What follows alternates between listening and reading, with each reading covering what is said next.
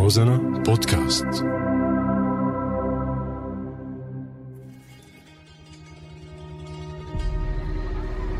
الله اكبر ينقطات الطائره طائره الاستطلاع المسيره التي سقطت في محيط مدينه كفر تقاريب قبل قليل حتى الان آه، غير معروف آه، نوعيه هذه الطائره This happened on a summer evening last year. Amin ran with a group of his friends to find out what had happened on his land. The disaster would be after two drones collided over his land, and the result was a silent victim. The victims of the war in Syria are not always flesh and blood. In this podcast from Radio Rozana, we will follow together in this podcast how the farmland is poisoned by war.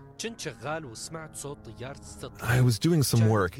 I heard the sound of a reconnaissance aircraft that was close and barely touching the ground. Usually, the sound is far away and the plane is visible, but with difficulty, as soon as the sound approached, I knew that it would fall. So I waited to see where it would fall, but I did not imagine it would fall on my farmland.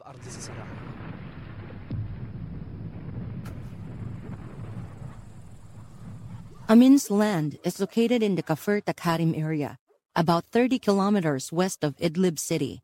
When he reached it, he immediately began to use the soil to put out the flames. The plane was falling from the sky towards the ground while it was on fire. When it fell, I was the first to extinguish it. I feared it burned the land, and then the civil defense came and extinguished it.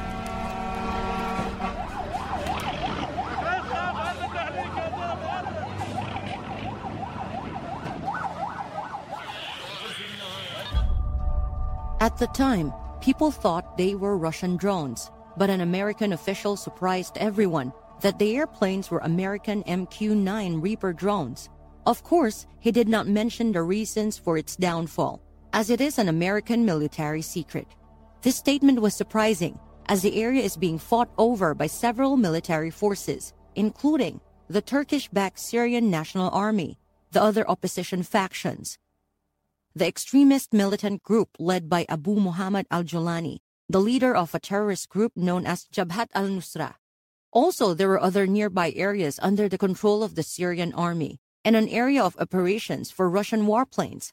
Environmental experts in conflict countries believe that these weapons that are used must be a cause of soil pollution. Expert Johan Darbyshire of Conflict and Environment Watch in London told us that it's not only the direct targeting of agricultural land that can pollute the soil. And this is true of bombs that don't explode as well, like landmines or, or cluster munitions, things like this.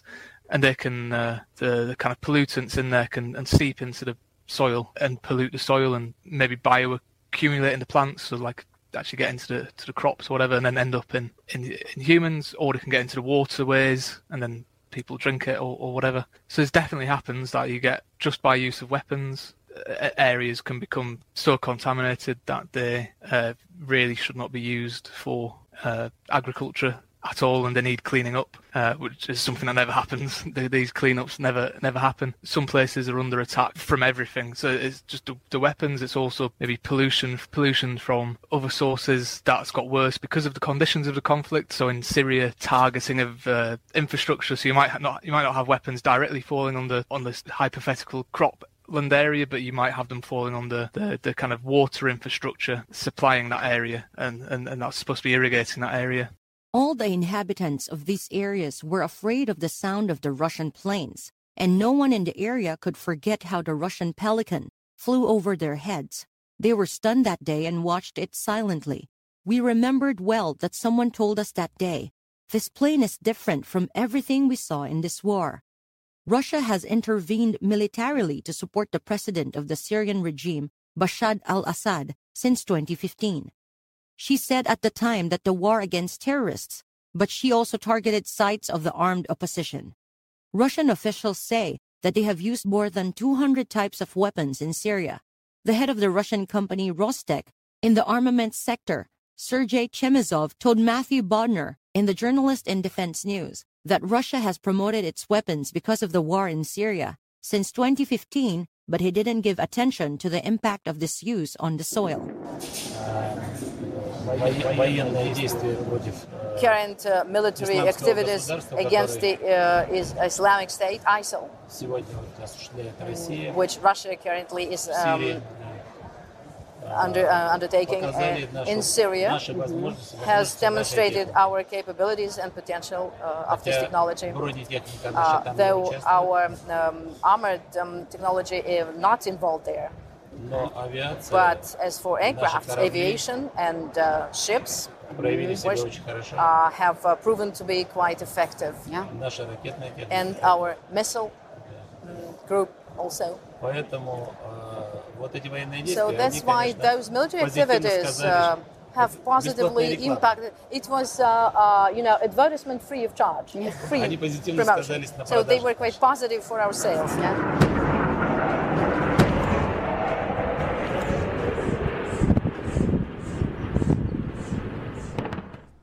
مصطفى عمر عشموت نازح من بلدة الهبيط تم قصف أرضي عدة مرات My name is Mustafa Omar Ashmut. I was displaced from the town of Abid, south of Idlib. My land was bombed several times on the 6th of July 2019. There were no military operations in my lands or near our farm. We are just farmers working in agricultural lands. It was bombed with napalm. I knew that this substance is napalm first through observatories, and secondly, when it approaches the scorched earth, it gives a very high heat and differs from the nature of burning as a result of bombing with regular missiles and rockets. In addition to that, it leads to the complete burn of olive trees, unlike other missiles. The party that carried out the ground bombardment is the Russian planes. I was unable to farm after the bombing because the land was greatly affected. Amin was more fortunate than Mustafa, as the fire did not devour all his land, but the piece in which the drone fell confirms the extent of the damage done to the soil, as the crops no longer grow in it. The fall of the plane led to the cutting of three olive trees, and the place where the plane burned down was the place where I planted parsley. And so far, I'm trying to recultivate in the same place. Despite the stirring and moistening of the soil, it does not grow in an area of more than a square meter. I stayed for more than a week. I could not work within the agricultural lands because of my fear of unexploded bombs until the land was fully examined by the civil defense. The issue of unexploded bombs is one of the most common problems that farmers suffer from in the area, and the White Helmets organization, known today as the Civil Defense, is almost the only party that helps in removing some types of these explosives.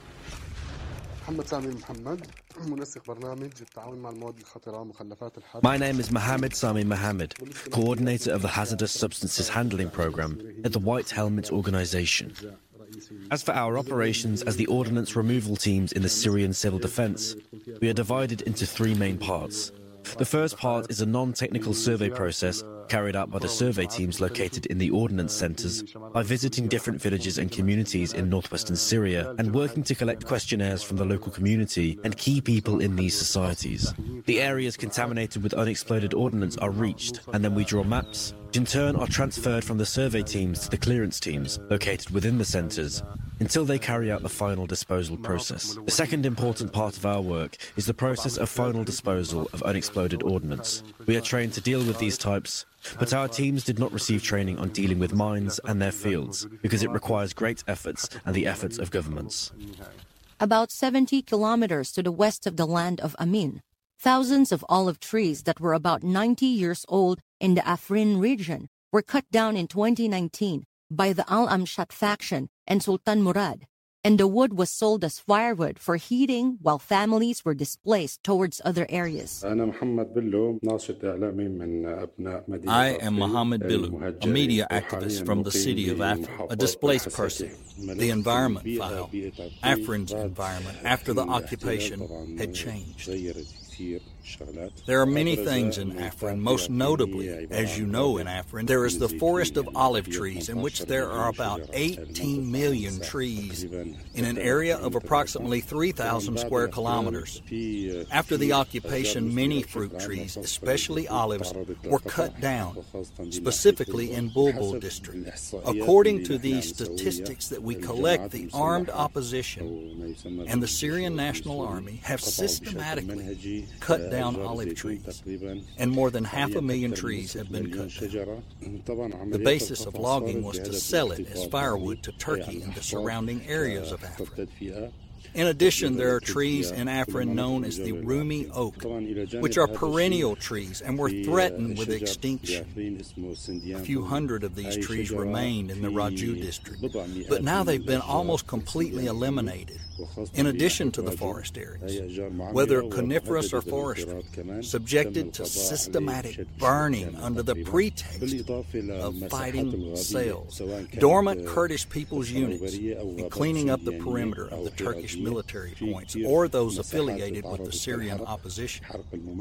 Most of the cutting process was aimed at firewood and clearing the area from members of the Kurdish people's units, while others sought to build roads or build housing complexes for the displaced, such as cutting down trees to set up the olive branch crossing between Jindirs and Hammam village, and uprooting thousands of perennial olive trees that were just cut down in order to expand this crossing. In addition to creating a road around the city of Jindirs, it will also reach the crossing. In 2018, under the ceasefire agreement known as the Astana Agreement, Turkey obtained approval to establish military points on the international line known as the M4. And in fact, it has set up about nine military points inside the agricultural lands, but without adopting environmental safety standards. Mahmoud Aburas, one of our correspondents who worked on this investigation, met Abu Fawaz, one of those affected by the military observation points. Let's hear what happened between them. Will introduce myself. My name is Mahmoud Aburas, Syrian journalist, working in this podcast on how war poisoned lands. What were the details of the agreement about the sabotage of your land by the Turkish army? My name is Mustafa Fawaz. On 7 4 2018, the Turkish army came to our city, Morik, with the aim of establishing an observation point in the area. Lieutenant Colonel Yilmaz and Captain Ashraf and I sat down and agreed to compensate for the losses that the observation point would cause in my land. A committee was formed of merchants who knew about measurement and prices from the cities of Morik and Khan Sheikhun. And they measured the area of the land, which in the first year was 28 dunams and 800 square meters, while in the second year it exceeded 40 dunams where the committee estimated the amount of 700 US dollars as an annual security rent for each dunam of land. My land was planted with pistachio trees, and before the arrival of the Turkish army, we were working on it. With the beginning of the arrival of the Turkish army, I uprooted 76 pistachio trees in order to set up the point according to the agreement. Before the Turkish army, especially the southern end of the land, which contained pistachio trees. Did you receive any compensation from the Turkish army? After the committee was formed, the Sham Legion faction told me to go to the city of Maratanaman in the southern countryside of Idlib in order to sign the lease contract for my land. After a while, I submitted a copy of the contract to the Turkish officer responsible for the point, and I asked him about their signature, and he replied that they had submitted a letter to their command to sign it. They promised me, according to the contract, that they will compensate me for any damage caused by the security point and they will return the land as it was. It was agricultural land, and today it has become a rocky land, no longer suitable for cultivation. The trees were uprooted, the earthen mounds are five to six meters high, and they need a high cost to facilitate bulldozing inside the point. For the rock, the height of the berms around the ground is from five to six meters. The ground has become completely rocky. I am displaced today in camps, and the rate of destruction of the land is 40 dunams, and it needs approximately more than $80,000 to return it to what it was, especially the issue of earth mounds that need to be removed from the land and then rebrush the land with dirt again. And I did not receive any amount of money, whether it was initial or for this time, knowing that this day I communicated with the sheikhs who were present to sign the contract and with the Legion leaders, and all their answer is that my relationship was with the Turkish army, not with them.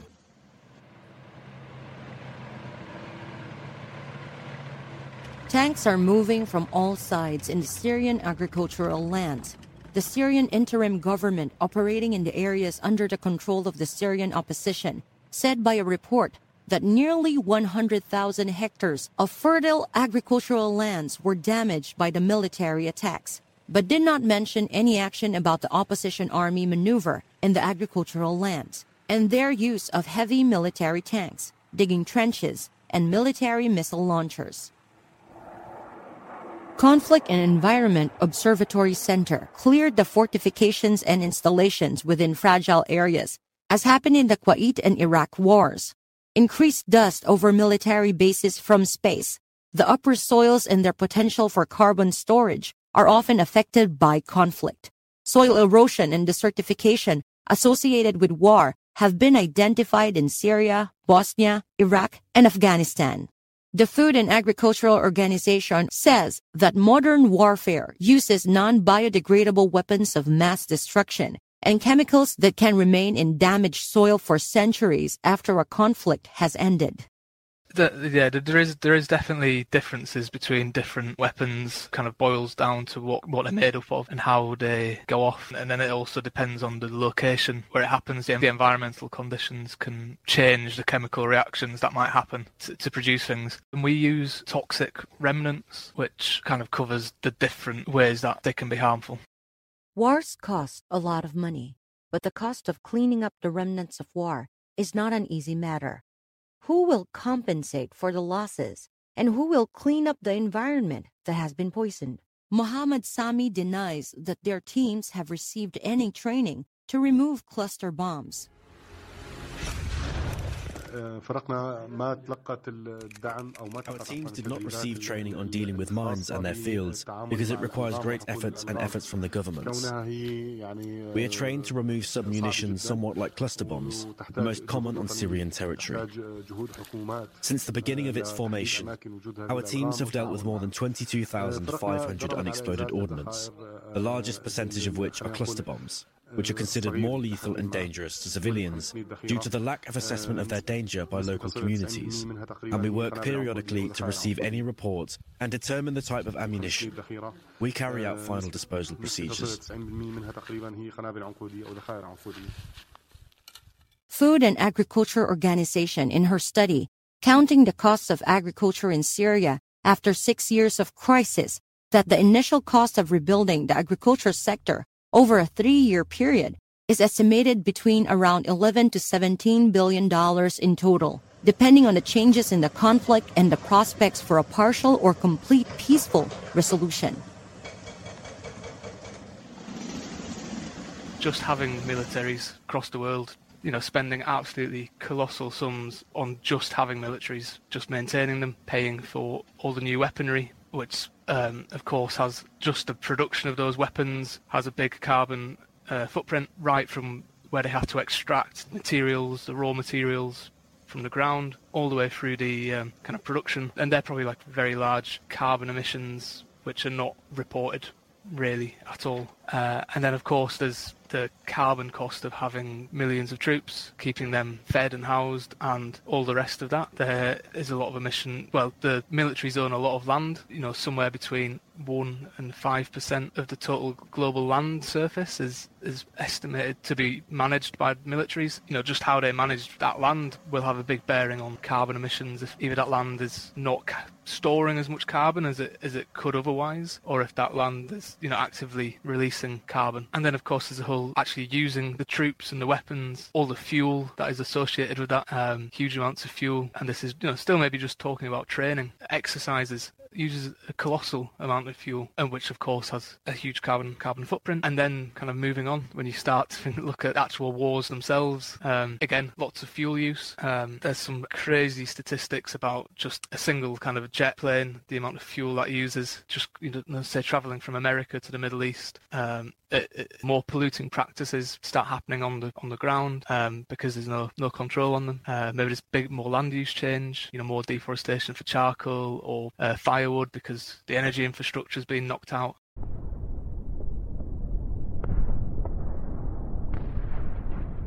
After eight years, no one has reached a solution that can stop the deterioration of the environment in Syria due to the continuation of the military conflict. Those affected remain divided between refugees and displaced persons. According to the United Nations reports, the number of internally displaced persons has increased. The number of Syrian controlled areas in the north is about 2.1 million displaced people out of the more than 4 million Syrians living in Syrian controlled areas. While there are 282 random camps set up on agricultural lands, they do not receive any international support or humanitarian assistance, according to the statistics of the response coordinator centers in the north. When they arrive in their new countries, they still have to, you know, they still need fuel and food, often because they're either in, you know, temporary shelters, refugees, displacement camps. They're not very, they're not places that are designed to be energy efficient. You know, they're not hooked up to like electrical grids. There's a lot of generators that have to be used, which are inefficient and have a higher kind of carbon footprint. There's uh, when it comes to cooking, then there's a lot of um, you know stoves that, that, are used, and these stoves maybe have to be fueled by by wood. And so what do people do? They go out to places near near the refugee camps or where, where they are and, and, maybe they have to cut down branches or trees to kind of provide the fuel for their their stoves if it's not otherwise available so basically they're kind of uh, you know trying to survive you know is more inefficient when it you know carbon emissions the general political climate does not bode well for the involvement of the countries involved in the Syrian conflict to help stop the destruction of Syrian soil. In the recent climate summit in Glasgow, Russia and Turkey boycotted the conference, and however, Syria and Iran were signed the Paris Climate Agreement.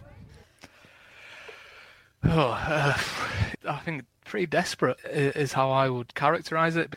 Um, and yeah, it seems really incongruous with what's gone on in, in Glasgow and, and, and forgotten by the people attending COP that actually, you know, they do a lot of talking about what's going to ha- the, the impact of, of climate change in in some countries and how how bad that's going to be and how they need this uh, need to do all this adaptation and mitigation. But actually, the truth is, in quite a lot of countries, the situation's really dire right now from an environmental point of view. Not just because of climate change, in fact, more because of uh, things like the, the conflict uh, resulting in all these different environmental problems and environmental deterioration, which mean that when the the effect, the impacts of climate change do come round, these places are even more vulnerable and it's going to be really uh, it's going to be really challenging for these places. And I don't really think there's been an acknowledgement of that.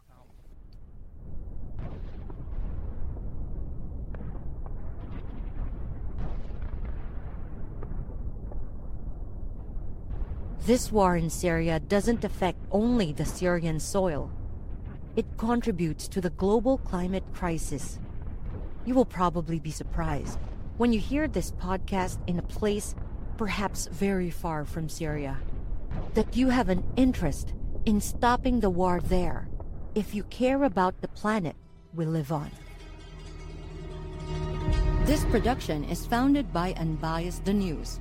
Team of work Lujan Haj Youssef, Mais Kat, Mahmoud Aburas, Muhammad Basiki, Wafa Al Badri,